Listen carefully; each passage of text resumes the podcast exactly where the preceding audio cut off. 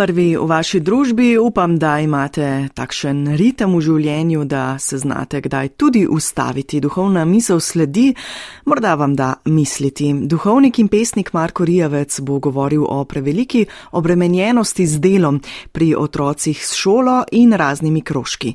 Včasih, kot pravi, si je treba vzeti čas in preprosto delati nič.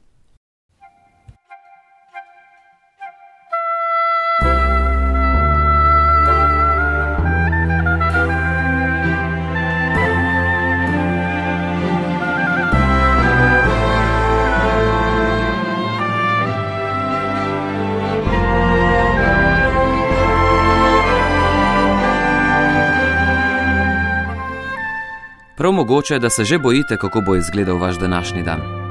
Na koncu boste utrujeni, kaj ne? Ne samo vi, tudi vaši otroci ali vnuki, na katere ste pravkar pomislili.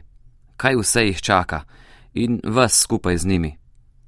Po šoli jih boste peljali še na verouk in angleščino, potem na trening nogometa, pa na tekmo morda, potem še na klarinetu glasbeno šolo ali pa na plesne vaje.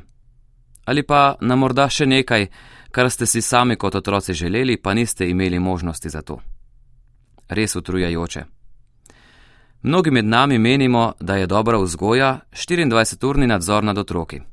Biti menedžer svojega otroka, ki mu do vrha napolnimo vsak dan z obveznostmi, da slučajno ne bi pomislil na neumnosti, da ne bi zašel v drogo, v slabo družbo, v kakšno drugo nevarnost, ali pa, da ne bi bil vse čas doma, da bi se imeli starši čas umakniti pred njim in njegovimi sitnimi vprašanji.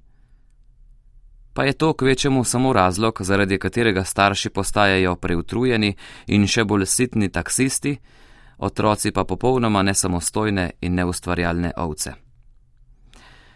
Nekaj strašljivega je dan danes imeti urnik z luknjami. Neopredeljeni čas sredi delavnika, čas za dolg čas, ne za utrujenost. Čas, ko ne otroci, ne mi ne vemo, kaj bodo počeli in kje bodo.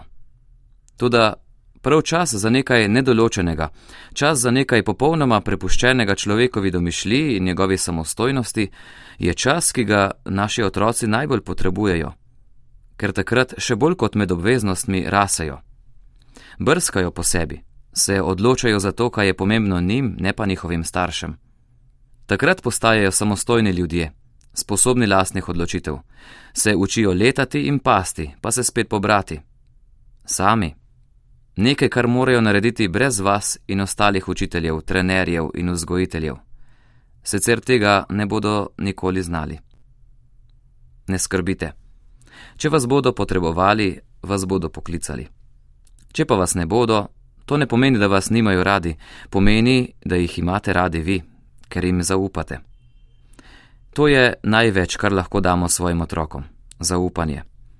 Nekaj takega, kar nam daje Bog, ko nas pusti, da se v tem svetu sami vozimo s kolesom, tudi če ve, da bomo padli.